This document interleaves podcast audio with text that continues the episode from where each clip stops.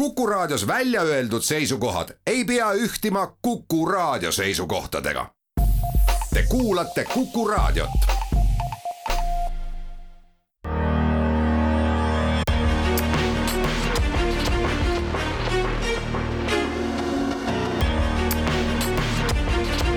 välismääraja tere pühapäeva hommikust, mina olen Neeme Raud. ülehomme möödub kolm kuud Ukraina sõja algusest. tänases välisteemade saates räägime Ukrainast, ent vaid sel määral, kui see Vene agressioon puudutab muid arenguid maailmas. vaatleme kolmes intervjuus kolme riiki, Rootsit, Hiinat ja Afganistani Margus Kolga, Eesti suursaadik Rootsis on esimene kõneleja ja meie jutt algas New York Timesis ilmunud selgitusest Ameerika lugejatele, miks Rootsi NATO-sse astumise otsus on niivõrd pöördeline, sest sellega lõpetatakse neutraalsuspoliitika, mis on kehtinud kakssada aastat. teisisõnu, meie perspektiivist kaks korda nii kaua, kui on eksisteerinud Eesti riik jah, eks siin on see sõna neutraalsus ka praegusel hetkel su küsimuses sees. rootslased ise seda, seda sõna enam väga ei taha kasutada, aga see on ka seotud mitte nüüd kahesaja aastaga, vaid viimase kolmekümne aastaga. aga seal on, ütleme, kaks olulist aspekti. üks aspekt on see, et selle ajaperioodi jooksul, tuhat kaheksasada neliteist vist see hakkas, pole olnud sõda Rootsi territooriumil viimane sõda oli Norraga ja see oli ka pigem niisuguste, või no ütleme, Napoleoni sõdade niisugune järellainetus. ja pärast seda on riik saanud hakkama ilma sõjata, selle tulemus on väga tugev majandus, väga tugev ja ühtehoidev ühiskond, väga innovatsioonimeelne ühiskond. ja nad on nagu sellega harjunud, aga see teine aspekt, mis seal juures on, võib-olla on isegi olulisem, see on andnud neile võimaluse olla oma otsustes autonoomne. Nad võivad ise otsustada, mida nad õigeks peavad kas see läheb õigesti või valesti, no seda näitab tavaliselt ajalugu. aga nad on alati äh, olnud äh, sellised, keda, kes saavad ennast vabastada mõjudest, kõrval olevatest mõjudest. ja kui sa oled kellegiga liidus, siis paratamatult äh, ikkagi sa kuulad teisi ja see tähendab, see on juba teatud mõttes mõju ja sa ei ole enam autonoomne Euroopa Liidus nad no, on. no just see nüüd muutus, see jutt nagu viimasest kolmekümnest aastast, et teadlikult tegelikult andsid oma neutraalsuse ära aga nad ei andnud ära julgeoleku osas. aga noh, majanduse ja ütleme, ühiskondliku protsesside osas andsid nad oma, oma teatud osa oma suveräänsusest ära ja nad on sellega ennast väga hästi harjutanud, sest Euroopa Liidus nad praegusel hetkel, mina ütleks, peavad väga oluliseks seda, et leitaks nendes küsimustes, mis on Euroopa Liidu niisugused tuumikküsimused, konsensus ja teevad selle nimel palju isegi kui neil on erinevad seisukohad, siis nad hääldavad neid väga tugevalt välja, otsivad endale toetust, otsuse tegemise protsessis siis kujundavad selle välja, aga põhiolemuslikult peavad nad nagu oluliseks Euroopa Liitu ja Euroopa Liidu ühisosa, sest see on nende meelest Rootsile hea. nüüd sama tuleb kaasa julgeolekus ja noh, see on teatud mõttes paradigma muutus. kurblooline on muidugi see, et kohe pärast seda, kui otsus oli ära tehtud, olid nad juba niisuguses liitlasvaidluses sees, sellepärast et Türgi nende otsust ei vaidlustanud, aga vaidlustas võimaluse, et nad võiksid eh, NATO liikmeks saada. ja eks eh, niisuguses liidus tegelikult asi käibki, ega seal, ega keegi ei eelda, et kõik on alati ühemeelsed, et kõik näevad maailma täiesti ühtemoodi ja siis liidus need asjad räägitaksegi läbi ja leitakse ühisosa, et seda noh, liidu jõudu alles hoida ja eks me oleme selles situatsioonis olnud ka, võib-olla mitte nii, nii drastiliselt ja nii avalikult, aga äh, rahvusvahelistes organisatsioonides asjad niimoodi käivad ja eriti veel sellistes organisatsioonides, kus on tegelikult niisugused samameelsed koos, sest seal räägitakse asju avalikumalt, ausamalt ja nii edasi. jah, noh, see on, on see, see ütleme, see kontekst ja selge on see, et selline otsus mida rootslased tegid, on tegelikult raske. Nad saavad väga hästi aru, miks see otsus tuli teha, sellepärast et oht on tõusnud, julgeolekuolukord paraneks sellest, kui nad saaksid NATO-sse ja nii edasi.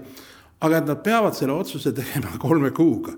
Nad peavad tegema otsuse, mis muudab kahesaja aastast ajalugu kolme kuuga ja see neid natukene häirib et oleks tahtnud arvatavasti veel natukene omavahel arutada ja jõudu koguda, aga noh, aega ei olnud selleks kui vaadata küsitlusi, siiski kõik rootslased ei ole üksmeelselt, Soomes tundub, on see üksmeel suurem, et nüüd läheme NATO-sse. viiskümmend kaks protsenti, ma lugesin ühte viimast arvamusküsitlust, on veendunud, et NATO-sse tuleb minna. pisut üle poole rootslastest, et ikkagi säilitatakse skeptilisust ka. seal oli üks aga selle viiekümne kahe protsendi juures, seal oli viiskümmend kaks protsenti, kes olid, aga lisaks ütles vist kakskümmend protsenti, et kui Soome tuleb, siis nemad on ka ja noh, nüüd Soome tuli, me ei ole saanud lihtsalt seda aega veel vaadata, nii et võib öelda ikkagi, et pigem oli see seitsekümmend. vaadata meie, kui meie ühinesime, siis noh, ega tegelikult meil oli ka mingi seitsekümmend, kaheksakümmend protsenti, noh ei olnud kõik. ja noh, lõppkokkuvõttes on ju see terve ühiskond, kus mõned, mõnedel on õigus ka teistmoodi arvata.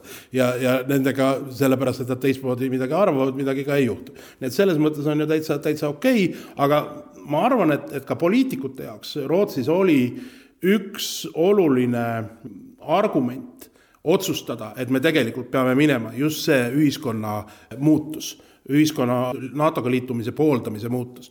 sest veel pool aastat tagasi need numbrid küll olid niisuguses tasases tõusus aga nad olid ikkagi kuskil niisuguse kolmekümne protsendi peal, kes tegelikult toetasid. ja kuna see läks nagu kiirelt üles ja noh, lõppkokkuvõttes inertsist läheb ta ju tegelikult tavaliselt veel järele, siis see andis poliitikutele jõudu ja noh, eelkõige sotsiaaldemokraatidele, kes siis olid selline partei, kellel oli noh, otsustus ja kõige mõõduandvam otsustus, eh, kas minna või mitte minna. lugesin veel ühte artiklit Rootsi kohta, kus üks analüütik seal väitis, et Venemaad me oleme kartnud juba seitsesada aastat ja siis ma korraga sain aru, et me peame siin rääkima tõesti kakssada aastat neutraalsus, seitsesada aastat Venemaa hirmu hoopis teistes terminites Rootsi kui sellise võimsa iseseisva riigi puhul no muidugi, see, ega seal üks on Venemaa hirm seitsesada ja teine on kakssada aastat mitte sõda, aga kolmas on viissada aastat riiki.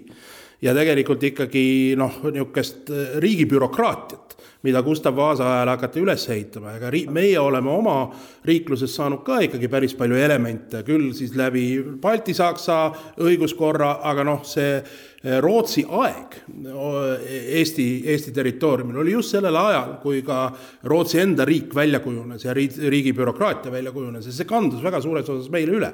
ja, ja, ja see on, ma ütleksin, ma arvan ikkagi, kuigi meie olime sellel ajal küll talupojad, ikkagi meie lihasmälus siiamaani alles ja noh, see on jälle see, mis näitab, et, et kui vana ja tugev see Rootsi ühiskond on, me aeg-ajalt vaatame sellest nagu mööda.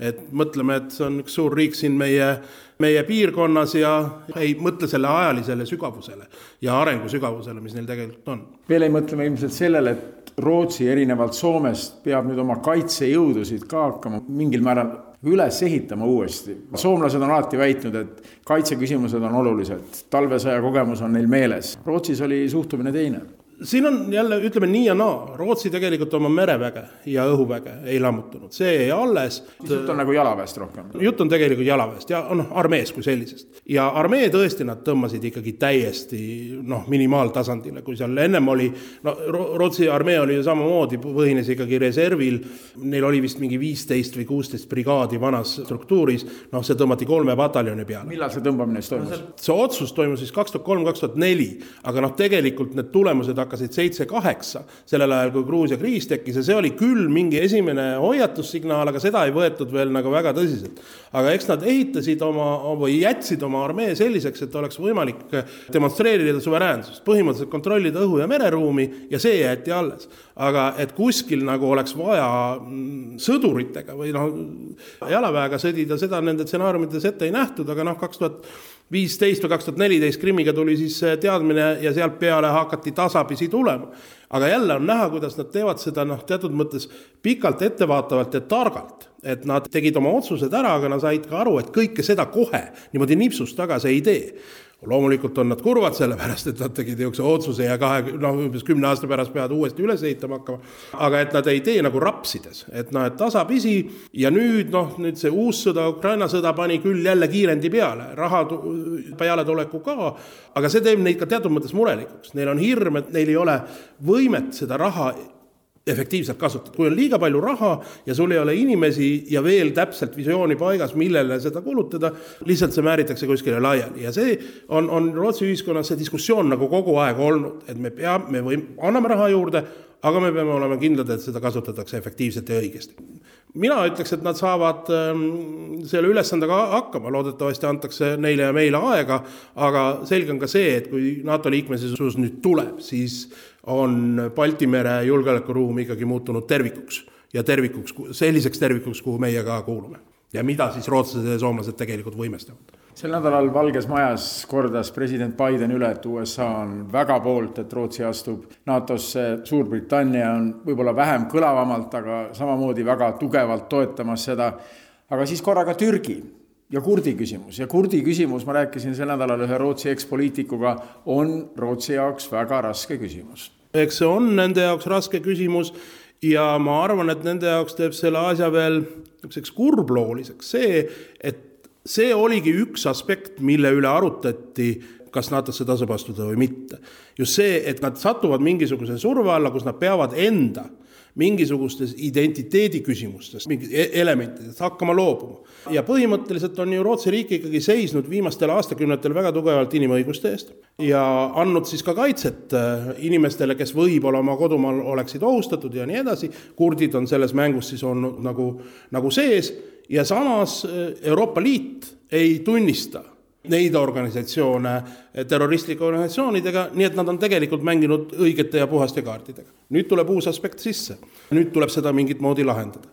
loodame, et see lahendub või lahendub mingit moodi, kindlasti ei ole see niimoodi, et äh, üks osapool lahkub rõõmsalt ja teine kurvalt, et noh, et mõlemad arvatavasti saavad midagi, aga mitte kõike. aga segadus on see suur, veel vaadates, et kui keeruline tea ikkagi, hoolimata, et see oli kiire, oli rootslaste otsus, siis on kurb, et nad teisel päeval peavad tegelikult, satuvad väga keerulise olukorra ette, mis tegelikult neid lõppkokkuvõttes liitlase, liitlassuhete mõttes teeb tugevaks, kui see, tugevamaks, kui see asi ära lahendatakse. aga just see, et nad peavad tegema selliseid otsuseid, mida nad enne seda oma otsust ei oleks pidanud tegema ja seal on ju ka võimalus, loodame, et see niimoodi ei lähe, et ühiskond pöörab oma arvamusest teisele poole. kes te nüüd olete meile ütlema seda? praegusel hetkel Türgi, siin on ka Horvaatia president teinud häält, nii et, et noh, et ega, ega see ei pruugi olla ka ju viimane protsess, on ju veel pikalt ees. ja noh, loodetavasti saadakse sellest üle, halb on see, et sellega võib kaasneda mõrumaik, mis ei ole, mõrumaik suus, ükski riik ei ole tore sellest Türgi vastasseisust rääkides meenutatakse, et president Erdoganil on ka silme ees valimiste aasta ja samuti on ka Rootsis valimiste aasta, mis muudab selle pildi veelgi keerukamaks. valimised on olnud, just see Rootsi valimised on olnud teatud mõttes ka rootslaste otsustuskiirendi. Nad ei tahtnud, just sotsiaaldemokraadid, noh, see on minu hinnang, ei tahtnud, et julgeolekuküsimused ja NATO küsimus oleks valimiste teema tavapäraselt need teemad ei olegi, aga praegusel hetkel, kui seda otsust ei oleks tehtud, oleks ta kindlasti olnud. nüüd, kui on see Türgi aspekt juurde tulnud, on täitsa võimalik, et see ikkagi on. ja see vähemalt sotsiaaldemokraatidele ei meeldi, ma arvan, et nüüd ei pruugi see meeldida ka teistele parteidele. sellepärast, et äh, valimiste-teema Rootsis on ikkagi alati väga sotsiaalsed, väga ühiskonnale keskendunud, see ongi nende nagu poliitiline kultuur, sellel ajal need asjad läbi rääkida, need põhiküsimused ja siis vastavalt siis valimistulemustele äh, panna asjad nagu käima. nüüd, kui tuleb sisse mingisugune segafaktor, mis täieliku vana kultuuri segamini pöörab, ei pruugi anda valimistel kõige paremaid tulemusi. ma, ma ei mõtle siin isegi selles mõttes, et kes saavad rohkem hääli või kes mitte, vaid pigem seda, et missugune on debatt ja mida arutatakse. ma mõtlen pigem seda, et võib-olla arutatakse mitte kurdide teemat, vaid arutatakse ikkagi NATO teemat, seal kontekstis ka kurdidega, aga tegelikult tahaksid nad arutada ühiskondlikku teemasid. seda näiteks Äh, majandus ja sellega seonduv kliimakontekst, kasvav kuritegevus ühiskonnas, pagulasküsimused ja nende integreerimine ühiskonda ja siis nende enda heaolusüsteemi muutmine või noh, ümberrakendamine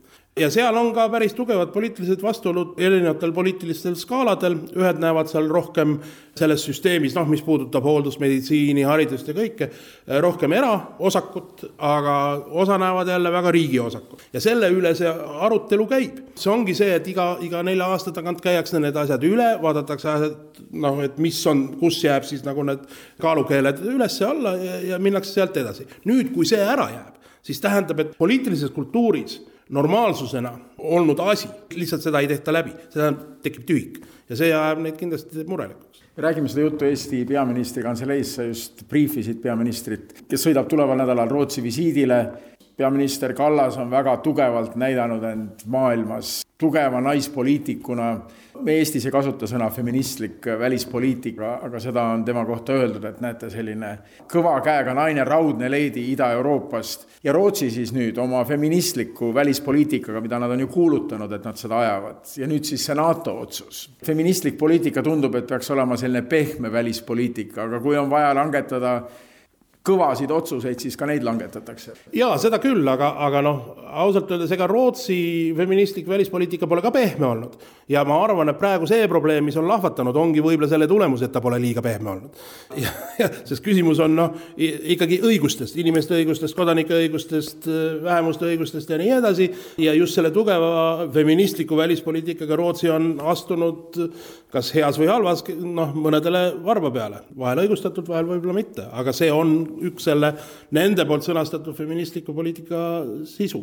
mul on hea meel, et, et äh, peaminister äh, tuleb äh, Rootsi visiidile, see visiit on küll päris pikalt e-, ette valmistatud, satub küll sellele ajale, kus me oleme, mõneti juhuslikult. eesmärk on teha tegelikult ärivisiit või ütleme, äridelegatsiooniga visiit, keskenduda ärisuhetele, otsida uusi võimalusi meie enda ettevõtjatele ja ettevõtetele siht on Göteborgi ja teemad on mobiilsus, targad linnad, rohe- ja digitaalmuutused ja innovatsioon. see, milles on Rootsi hea ja see, milles meie ka tasapisi hakkame heaks muutma. nüüd on lihtsalt need otsad vaja kokku viia ja suuta sealt siis tekitada olukord, kus inimesed omavahel tihedamalt suhtlevad ja tihedamalt koos asju teevad.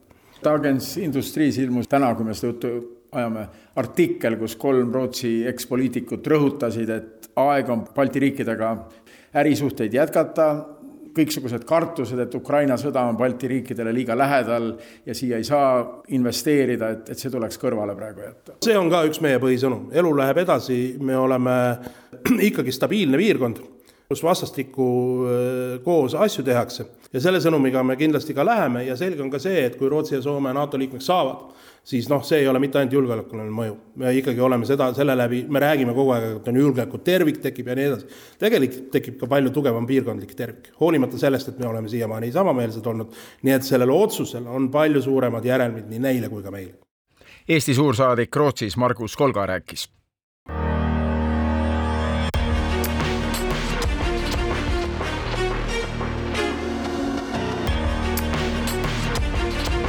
välismääraja järgmine teema, Hiina ja riigi nüüdsed suhted Venemaaga. stuudios on Välispoliitika Instituudis Hiinaga tegelev teadur Frank Jüris. Hiina-Venemaa suhteid tuleks mõtestada või vaadata mitte nii väga vajadustest, palju on küsitud, et kas Venemaa nii-öelda abipalvele Hiina tõttab oma partnerit aitama, vaid tuleks vaadata huvidest lähtuvalt kahtlemata on nendel kahel riigil korreleeruvad huvid või sarnased huvid. mõlemad on huvitatud praeguse reeglitel põhineva maailmakorra murendamisest, äh, lõhkumisest ja selles osas äh, nad on partnerid. muidugi nagu igal partnerlusel on ka nende suhtel teatud piirangud. kindlasti ei ole ei äh, Hiina ega ei ole ka Venemaa huvitatud oma partneri eest sõtta minema. aga samas ma leian, et äh, Hiina kindlasti ei ole huvitatud ka Venemaa täielikust lüüasaamisest. üks nii-öelda sarnasus või üks murekoht, mis neil mõlemal on, on partnerite puudumine. Neil ei ole väga palju partnereid, kellega koostööd teha, nii-öelda mõttekaaslaseid selle alternatiivse maailmakorra edendamisel ja, ja ülesehitamisel mingis mõttes. keegi Hiina juhtkonna liikmetest, lugesin just suurt pealkirja, rääkis sel nädalal just, et tuleb tugevdada BRICS plokki maailmas, see on siis plokk, mis peaks olema alternatiivne sellele läänemaailmale, sinna kuuluksid siis Brasiilia, Venemaa, India, Lõuna-Aafrika ja Hiina. Ja, ja sellel on kindlasti kahtlemata selline alternatiivse maailmakorra afišeerimise rolli täidab see. aga kas ta on läänele mingisuguseks alternatiiviks, meie ikkagi oma maailmavaates oleme läänekesksed ja tundub, et kõik need teised liidud, nad on vähetähtsad, aga kui me vaatame nende riikide rahvaarve, siis see on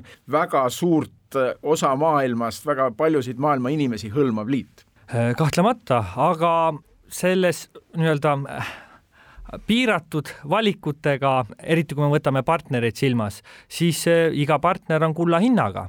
oluline on just siis saada nii-öelda oma koostöö afišeerimise kaudu ka kõhklejaid ühte paati ja endaga kaas tegutsema ja koostööd tegema aga noh, muidugi nendel suhetel nagu ka Hiina-Vene suhetel on teatud piirangud, nagu ma tõin välja, ei ole kumbki huvitatud, noh, Hiina eelkõige ei ole huvitatud pugema nahast välja, et Venemaad selles sõjas aidata. tema jaoks on oluline ligipääs USA, Euroopa Liidu turule, äh, on oluline ligipääs lääne kõrgtehnoloogiale, mõlemad nad aitavad moderniseerida, kaasajastada Hiina majandust ja kaudselt ka Hiina sõjaväevõimekust. Hiina ei ole kindlasti huvitatud äh, minema otsesesse konfrontatsiooni USA-ga näiteks Ukraina sõjas Venemaa abistamises ja USA on selles kohas olnud väga resoluutne, öeldes, et Hiina abil äh, Venemaale on otsesed äh, tagajärjed ja sanktsioonid. Äh, Euroopa Liit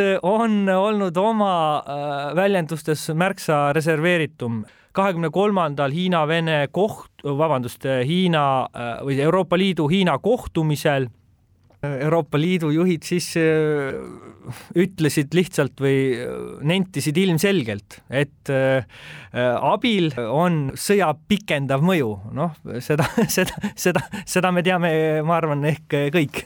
on siiski üks valdkond, kus nende kahe riigi vahel toimub praegu rekordiline kaubavahetus, see on söekaubandus. kuuskümmend protsenti Hiina elektrist tuleb söest ja sel nädalal oli CNN-is suur uudis, et äh, Hiina ostab praegu rekordkogustes Vene sütt, kui Ukraina sõja järel hetkeks korraks see söekaubandus pisut taandus, söökogused vähenesid, siis nüüd on see tõesti muutunud rekordiliseks, söö müügitase, Venemaa on ju maailma kolmas söetootja ning Venemaa pakub Hiinale muidugi suurt äh, hinnaalandust, aga see toob Venemaale ikka suuri summasid sisse. see on ilmselge märk sellest, et äh, toetus ei piirne siis ainult moraalse partnerluse afitseerimisega, vaid äh, sellel on ka siis äh, nii-öelda majanduslikud või tegudena otsene tulem aga siin on väga praktiline lähenemine ka, Hiinal on seda sütt lihtsalt vaja. ja see on absoluutselt õige ja,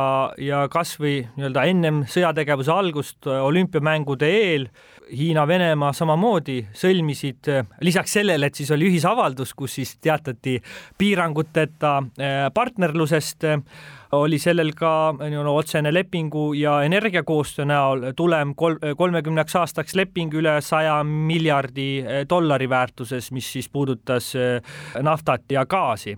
aga üks asi, mida ma selles energiakoostöös eh, rõhutaksin või tooksin esile, et erinevalt võib-olla Saksamaa või Euroopa riikidest kes on äh, märksa rohkem äh, seotud ähm, Venemaa energiast, siis äh, Hiina on võib-olla energiajulgeolekust lähtuvalt märksa tarmukamalt tegutsenud, et nende sõltuvus Venemaa energiast on, kui ma ei eksi, üldarvult vist kuusteist protsenti.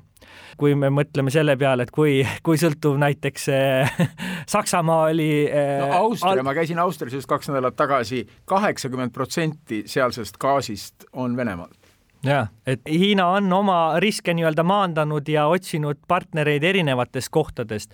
aga see on hea märk sellest tegelikult, millest võib-olla vähe räägitakse, kui sõltuv tegelikult Hiina on välismaailmas, sest tavaliselt räägitakse sellest, kui sõltuvad meie oleme Hiina turule ligipääsust ja finantseeringutest ja, ja muust sellisest. ja Hiina odavast kaubast. jah, aga, aga tegelikult Hiina on samamoodi vastupidi sõltuv ligipääsust Euroopa, USA turule ja teistpidi on väga paljuski sõltuv energia impordist, et hoid, et hoida oma äh, suurt majandusmasinavärki käigus Hiina ja Venemaa moodustasid väga tugeva liitluse näiteks ÜRO-s, kui Eesti oli Julgeolekunõukogus, siis äh, peamine plokk, kes asju vetostas või asju hukka mõistis, oli just Hiina ja Venemaa.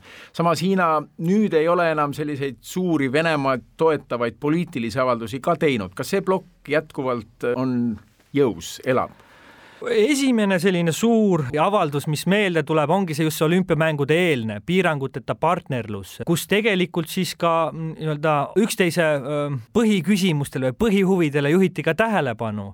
Venemaa kinnitas siis toetust ühe Hiina poliitikale ja Taiwan'i küsimusele ja vastu siis Hiina avaldas muret NATO laienemise pärast.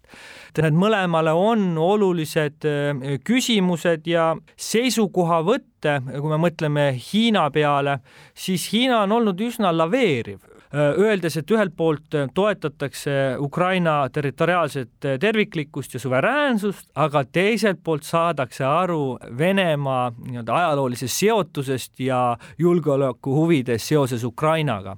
aga see, ma arvan, ilmestab hästi Hiina sellist kahepalgelisust või, või eelkõige oma huvide eest seismist, et, et äh, Venemaa on oluline partner, Venemaaga jagatakse ühiseid huve, aga samas ei äh, taheta minna täielikult raksu, et mitte langeda läänemaailma erakordselt äh, ühtsele seisukohale Venemaa sanktsioneerimisel sanktsioneerimisel. Nii, aga toome nüüd mängu veel kolmanda suurriigi USA Ameerika luure CIA luure keskagentuuri juht William Burns ütles äh, eelmisel nädalal Financial Timesile, et kui tema vaatab maailma, USA rivaale maailmas või konkurente või vaenlasi, kuidas iganes seda nimetatakse, siis Hiina on ikkagi number üks. Venemaa on küll praegu jõuliselt näitamas ennast Ukrainas agressorina, aga Hiina on ikkagi USA jaoks olulisem ja seepärast võeti Hiinas väga närviliselt vastu Ühendriikide presidendi teade, et ta külastab Jaapanit ja Lõuna-Koread ja Hiina rahvusliku julgeoleku nõustaja ütles, et see toob taas päevakorda Taiwan'i temaatika, seda, et Hiina näeb, et Ameerika toetab liigselt Taiwan'i, see häirib Hiinat. Ameerika silmis on, on ikkagi Hiina see peamine mängur, mitte Venemaa, ka praegu sõja ajal pigem ma püstitaks selle küsimuse teistmoodi või, või ma olen nõus selle küsimuse püstitusega, aga kuna mina vaatan eelkõige siis Hiinat, Hiina poole pealt seda, siis Hiina on ähm, ideoloogilise vastasena näinud äh, näinud läänt ja liberaalset maailmakorda noh, võib-olla sama ammu kui kommunistlik partei kui, kui pikka iga on kommunistlikul parteil aga äh, USA-ga on neil olnud erisuhe, meenutame president Nixoni visiiti Hiinasse seitsmekümnendate aastate alguses, mis lõi lõhe sellesse kommunistlikku maailmapilti ja siis -hmm. oli Ameerikal Hiinaga mingi teine suhtumine, kuni Trumpi ajastuni, isegi varem pisut, kui korraga Hiina muutus vaenlaseks number üks see äh, vaenlaseks muutumine number üks, ähm, sellele eelnes äh, ka nii-öelda suur sõprus ja ega USA-d ja läänemaailma ei saa selles süüdistada, et me proovisime äh, kaasata Hiinat äh, majandusliku läbikäimise kaudu ka nii-öelda suuremate kodanike vabaduste suunas liikuma. Äh, kahjuks me seda näinud ei ole aga samas, mida me võime näha, on Hiina üha selline Äh, vaenulikum suhtumine lääne suhtes, äh, mitte väga ammusesse ajaloosse, paar aastat kõigest tagasi Hongkongi protestid, kus äh, kokku vast tänavatel käis protestimas seal ligi kolm miljonit inimest, mitte küll ühel korral, siis Hiina nägi selle taga CIA luurajaid, CIA nii-öelda kihutustöö tegijaid no need peavad tõesti väga võimekad äh, ametnikud või, või luurajad olema, kes suudavad kolm miljonit inimest tänavale tuua. aga see on midagi sellist, mis on autoritaarsetele eh, riikidele omane, et eh, ei peeta võimalikuks, et inimestel endil on eh, iseorganiseerumise võimekus või et neil on huvi seista nende põhiväärtuste eest, mille, mis neil on ja mille kaotamist nad või mida nad kardavad. Taaskord autoritaarsed võimud on väga ebakindlad, neil ei ole nii-öelda valimiste toel saadud mandaati, poliitilist mandaati selleks, et endale toetust tugevdada, eriti just äh, rasketes majandusoludes, kui me mõtleme praegu Hiina peale. Äh, Hiina on mitmes kriisis samaaegselt, Covid kriis, ja see jätkub seal. julgeoleku, julgeolekukriis, ülemaailmne globaalne energiakriis ja tihtilugu süsteemsetele majanduslikele probleemidele ei ole lihtsalt lahendust. ja vot see on see koht, mida mina ise kõige rohkem kardan, et poliitilise toetus, noh, seni on see seisnenud suuresti majanduslikul kasvul, nii-öelda näiliselt on tehtud kokkulepe, kuigi seda kokkulepet ei ole kunagi sõlmitud. see on et, siis poliitiline toetus president Xi'le? Äh, president Xi'le ja kommunistlikule parteile üleüldse, et ähm, põhiõigused on tagaplaanil, aga selle vastu saadakse osa majanduskasvust ja äh, Hiina majanduse eduloost. tegelikult see on ääretult ohtlikud ajad et.... aga näed sa võimalust, et Hiinas võivad tekkida mingisugused rahulolematused? pigem ma näen seda, et sarnaselt nagu Putinile ka Xi, äh, kuna majandus ähm, ei lähe kõige paremini, paremini, ei ole lihtsaid viise, kuidas majandust nii-öelda äh, järele aidata. ma muidugi pean rõhutama, et ma ei ole majandusekspert, et seda äh, teemat on teised inimesed õigemad kommenteerima, aga mida me tihtilugu näeme sellistel juhtudel, äh, siis pööratakse rahvusluse poole, rahvusluse ja välisvaenlaste otsimise peale. ja see on kindlasti üks murekoht ja noh, seega mingis mõttes ma eeldan põhjendab näiteks äh, Hiina väga selliseid kriitilisi seisukohti kas või Euroopa julgeolekukriisi äh, kommenteerimisel, et Hiina ei näe Venemaad kui agressorit või kui nii-öelda selle sõja vallapäästjat, vaid äh, ikkagi põhjuseks tuuakse NATO, NATO laienemine, Venemaa julgeolekuhuvidega mittearvestamist. Ja sellise nii-öelda välisvaenlase ja mitte alati välisvaenlasega, vaid sisevaenlase otsimisel on, noh, on rahvuslus ja, ja, ja ja nii-öelda poliitilise toetuse kasvatamise eesmärke. noh, siseriiklikult on ju Hiina Kommunistlik Partei äh, väga tugevalt äh, üritanud siis kontrollida või piiranguid peale panna oma suurtele tehnoloogiaettevõtetele. ehk äh, see on üks nendest näidetest, millel tegelikult nii-öelda lihtrahva seas võib olla ääretult suur populaarsus ja toetus, aga mis pikas perspektiivis tegelikult võib hakata hoopis pärssima Hiina majanduskasvu kui me mõtleme nüüd Hiina lähitulevikule, siis sügisel seisavad ees valimised, president Xi loodab saada valituks kolmandaks ametiajaks, tema kampaania suur loosung on olnud majanduskasv, mis on väga oluline, aga ikkagi on läbi käinud Taiwan'i teema siin korduvalt ja Ukraina sõja eel ja selle puhkemise järel oli ka neid maailmas, kes ütlesid, et kui nüüd puhkeks ka Taiwan'is kriis, siis Ühendriigid ja lääneriigid peavad tegelema korraga kahe kriisiga ja vot siis muutub see asi raskeks. toome nüüd Taiwan'i küsimuse ka siia. on neid, kes ütlevad, et enne seda, kui on valimised, Taiwan'i suhtes mingisuguseid samme ei astuta ja on neid, kes ütlevad, et üldse ei astuta, et kuidagi jõuga suur, suudetakse nagu Hongkongis seal asjad ära muuta. ausalt öeldes nende kriiside loetlemisega võib juba raskeks minna, et ühe käe näppude, näppudest jääb väheks. aga teine asi, mis ma arvan Ukraina sõjategevuse valguses, et see ei pruugi olla Hiinale võib-olla mitte kõige vastumeelsem sündmus sündmus. et kui me mõtleme kasvõi ennem Ukraina kriisi nende sündmuste ja arengute peale, siis tegelikult nii USA kui ka Euroopa Liidu liikmesriigid äh, tihendasid või intensiivistus koostöö Taiwaniga ja üha rohkem tõusis esile riikide kaasamine India Vaikse ookeanis just äh, toime tulemaks siis üha jõulisema Hiinaga kui me mõtleme nüüd äh, selle peale, et äh, Ukraina sõda, kuna me alati tegutseme piiratud ressursside tingimustes, siis Hiinale, Hiina vaates see võib-olla ei pruugi olla, äh, võib-olla isegi kasulik, et Euroopa Liidu ja noh, eelkõige USA nii tähelepanu kui ka ressursid on eelkõige hõivatud siis Euroopa julgeolekukriisi lahendamisel.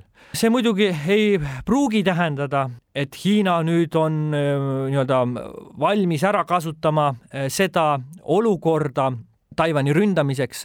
esiteks äh, USA julgeolekuekspertide sõnul on see ääretult keeruline operatsioon, mis kaasab endas nii maaväge, mereväge, õhuväge et seda ei ole nii lihtne teostada ja ühisoperatsiooni teostamiseks peaks Hiinal alles võimekus tekkima kahe tuhande kahekümne seitsmendal aastal aga kindlasti on see Hiina mõttes niisugune kosutav hingetõmbepaus, kui mõelda selle peale, et äh, teravik, vastasseisu teravik oli liikumas äh, India Vaikse ookeani suunas ja nüüd äh, see on peatunud ja noh, nagu me rääkisime, Hiinal endal on üsna palju probleeme, millega ta peab samaaegselt tegelema, rahvastiku juurdekasvu peatumine, majandusraskused, energiakriis, Covid kriis.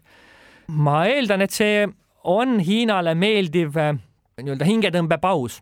sellest tulenevalt peaks küsima ka, et kas Hiina nagu Euroopa Liit etteruttavalt juba hoiatas, kas Hiina ei võiks olla huvitatud selle Ukraina kriisi nii-öelda pikendamisest abi näol abi Venemaale, aga siinkohas ma arvan, et eh, noh, kui see abi peaks aset leidma, siis kindlasti on see varjatud kujul, et eh, Hiina ei ole huvitatud lääne sanktsioonide alla sattumisest eh, ja te, sellekohaseid tegelikult pretsedente on juba olemas, kasvõi kui me mõtleme Huawei finantsjuhi peale, kes siis Kanadas kinni peatati, siis teda süüdistati just nimelt USA sanktsioonide kõrvalhiilimises, Iraani abistamisel nii tehnoloogi, tehnoloogi, tehnoloogia valdkonnas kui ka ka finants, finantsvaldkonnas. sellekohaseid pretsedente on ja mm, Hiina kindlasti ei ole huvitatud nii-öelda täielikust Venemaa lüüasaamisest ja võib-olla siis ka nii-öelda poliitilisest ebastabiilsusest, sest suhe Venemaaga, partnerlus Venemaaga on Hiinale oluline eelkõige just tagala kindlustamise seisukohast, sest Hiina prioriteedid on eelkõige India-Vaikse ookeani suunas ja Taiwan'i suunal. ja seda äh, on mitmed nii-öelda Hiina analüütikud kui ka kõrged poliitikud öelnud, et kahel rindel sõdimine on ressursi raiskamine ja toob kaasa Hiina hukatuse, aga kui suudetakse nii-öelda naabritega läbi saada, siis on võimalik oma jõudu projitseerida India-Vaikse ookeani ja eelkõige siis Taiwan'i suunas. stuudios oli Frank Jüris, Välispoliitika Instituudi teadur.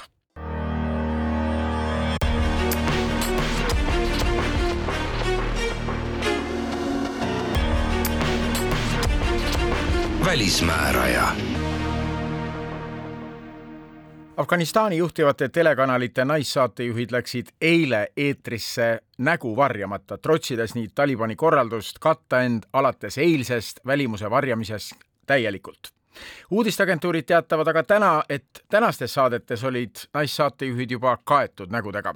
räägin Afganistanist Välisministeeriumi Aasia ja Vaikse ookeani piirkonna büroo lauaülema Mirjam Aitiga, kes otseselt igapäevatöös Afganistaniga tegeleb see naisajakirjanikel äh, kohustus äh, nägu katta ei äh, ole eraldiseisev otsus, vaid tegemist on nagu rea otsustega, mis on vastu võetud naiste õiguste piiramiseks. sellele otsusele konkreetselt eelnes mai alguses otsus või Talibani sõnade järgi siis soovitus katta ennast täielikult äh, kinni niimoodi, et, et ainult silmad äh, jäävad näha. Äh, miks ma ütlen, et Talibani sõnastuses soovitus, siis tegelikult tegemist on ikkagi korraldusega selles mõttes, et sellele korraldusele järgnevad ka konkreetsed karistused ja huvitav on ka see, et need karistused ei ole naistele määratud, vaid need karistused on suunatud siis meestele, ehk siis nagu pere naiste eest kostev mees siis saab karistuse selle eest, kui äh, naised äh, ei ole ennast korralikult kinni katnud, ehk siis see tegelikult tekitab sellise hirmuõhkkonna, kus äh,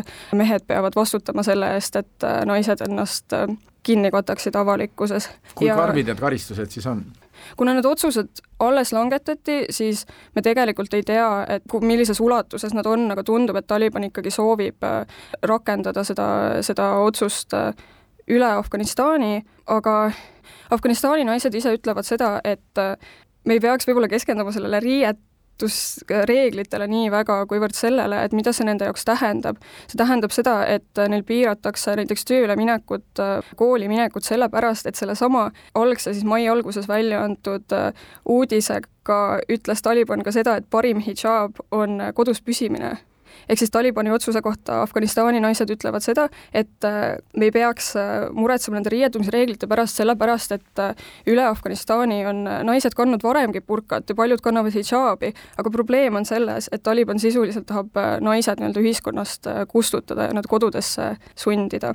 nii et see kõik, mida Taliban rääkis, lubati küll, et mm -hmm. naiste suhtes ei võeta ülikarme meetmeid tarvitusele, see kõik on osutunud ikkagi sõnakõlksuks. nüüd augustis äh, tuli Ameerika sealt välja ja lääneliitlased lahkusid Afganistanist, nüüd on mai ja nüüd on naised siis kaetud ja koju surutud et nagu ma ütlesin, see oli osa järjepidevast nagu naiste õiguste piiramisest, kuigi samal ajal Taliban on andnud rahvusvahelisele kogukonnale lubadusi, et naised saavad tööl käia, et tüdrukud saavad koolis käia, aga selle juurpõhjus tegelikult võib-olla ei ole niivõrd äh, rahvusvahelise kogukonna ootused ja tingimused, mis me oleme neile seadnud, et see naiste õiguste ja üldse inimõiguste täitmine ei ole ainus ootus, mis meil Talibanil oleks selleks, et et kuidagi nagu nendega kaasuda, vaid äh, see on pigem seotud Talibani sisese sellise võimuvõitlusega, et äh, me ei saa eeldada, et Taliban oleks selline äh, rühmitus, kus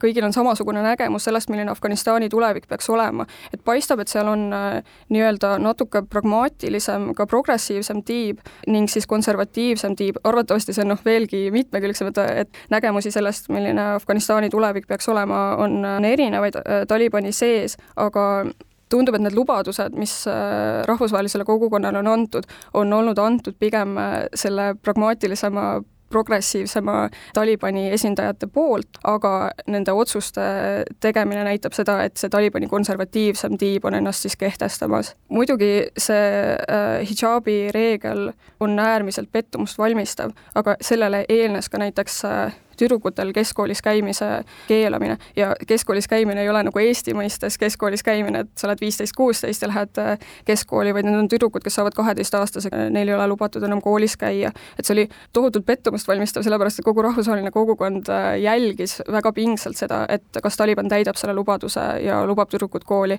Ja just sel päeval, kui äh, koolid pidi avatama kõigile, tuli ka uudis, et siiski alates kaheteistkümnendast eluaastast tüdrukud peavad koju jääma sa oled korduvalt siin rõhutanud, et mm -hmm. rahvusvaheline kogukond ja rahvusvahelise kogukonna ootused, kui palju Taliban üldse suhtleb muu maailmaga?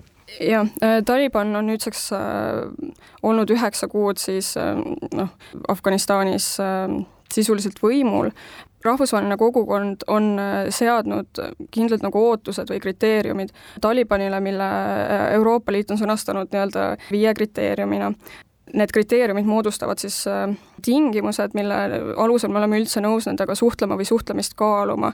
ma kiirelt äh, ütlen, mis need on, ma juba rääkisin inimõigustest, aga lisaks peab Taliban tagama ka äh, humanitaarabi ligipääsu Afganistanis, tagama ka vaba liikumise võimaluse Afganistani ja välisriikide kodanikele, samuti üks tingimus on seotud ka julgeolekuga ja terrorismi leviku tõkestamisega.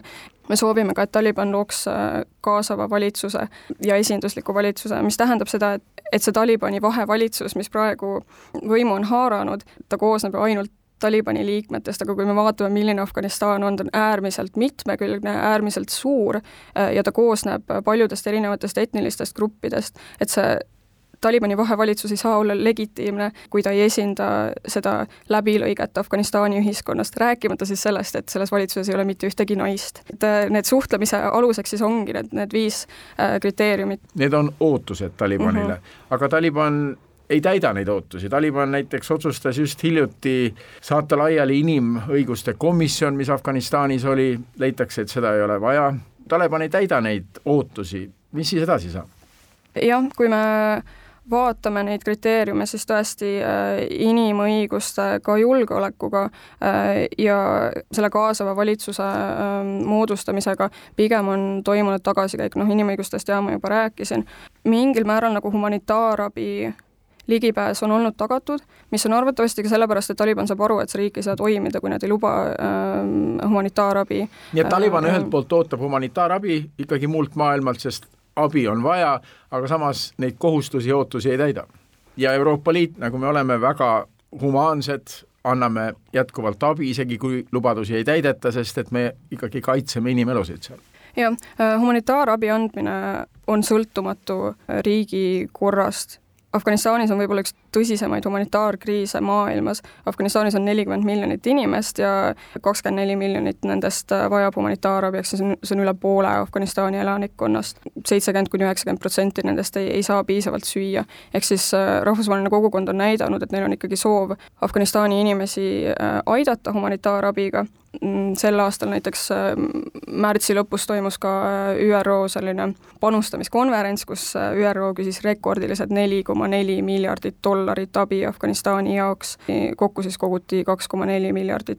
kogu selle üheksa kuu jooksul rahvusvahelise kogukonna eesmärk on olnud esiteks noh, et riik ei kukuks kokku, sellepärast et see ei ole meie kellegi huvides, noh, kui maailm praegu mõtleb abi andmisele, see ÜRO mm. üleskutse toimus ka ajal, mil oli Ukraina sõda juba alanud, kuhu on ka tohutult vaja abi, nii et äh, ühel hetkel tuleb maailmal lihtsalt otsus langetada, et mida me siis aitame ja Afganistan ei ole praegu uudiste keskmes, praegu on uudiste keskmes Ukraina sõda. Venemaa sissetung Ukrainasse kindlasti on äh, võtnud meedia tähelepanu ja ta peabki võtma, aga see ei tähenda, et maailm oleks, äh, et muud kriisid maailmas oleks nii-öelda lõppenud või et maailm oleks Afganistani unustanud, et aga tunnistagem äh,, Afganistan ei ole uudiste keskmes, uudised ikkagi kujundavad seda, millest me mõtleme. Hetk, maailm ei ole Afganistani unustanud, et ma ei tea, naisvälisministrite avaldus näiteks tüdrukute koolis käimise piiramise hukkamõistu kohta, hoolimata sellest, et Venemaa on tunginud Ukrainasse, toimus siis hiljutine G7 välisministrite avaldus näiteks naiste õiguste olukorra kohta Afganistanis ja seesama doonorite panused ÜRO panustamiskonverentsil, nad ikkagi näitavad, et maailm ei ole Afganistani unustanud. Ja kui me mõtleme sellele, et miks Eesti jaoks on oluline jätkuvalt ka Afganistani teemaga tegeleda, siis see on mõneti ka seotud meie abiga Ukrainasse selles mõttes, et me oleme pärast Venemaa sissetungi Ukrainasse hästi aktiivselt tegelenud ka meist kaugemate riikidega suhtlemisega, sest me peame neile näiteks selgitama, mis on olukord Ukrainas kohapeal ja paluma neilt nagu igakülgset võimalikku toetust Ukrainasse, aga see ei tööta, juhul kui me ei näita, et, et ka meile läheb jätkuvalt korda, mis, mis teised kriisid on maailmas ja, ja et me näitaks, et me hoolime ka nendest kriisidest Mirja Mait, Välisministeeriumi Aasia ja Vaikse ookeani büroo lauaülem, kelle töölõik ongi otseselt Afganistanis toimuva jälgimine. välismääraja on tänaseks kuulatud, mina olen Neeme Raud, kena pühapäeva!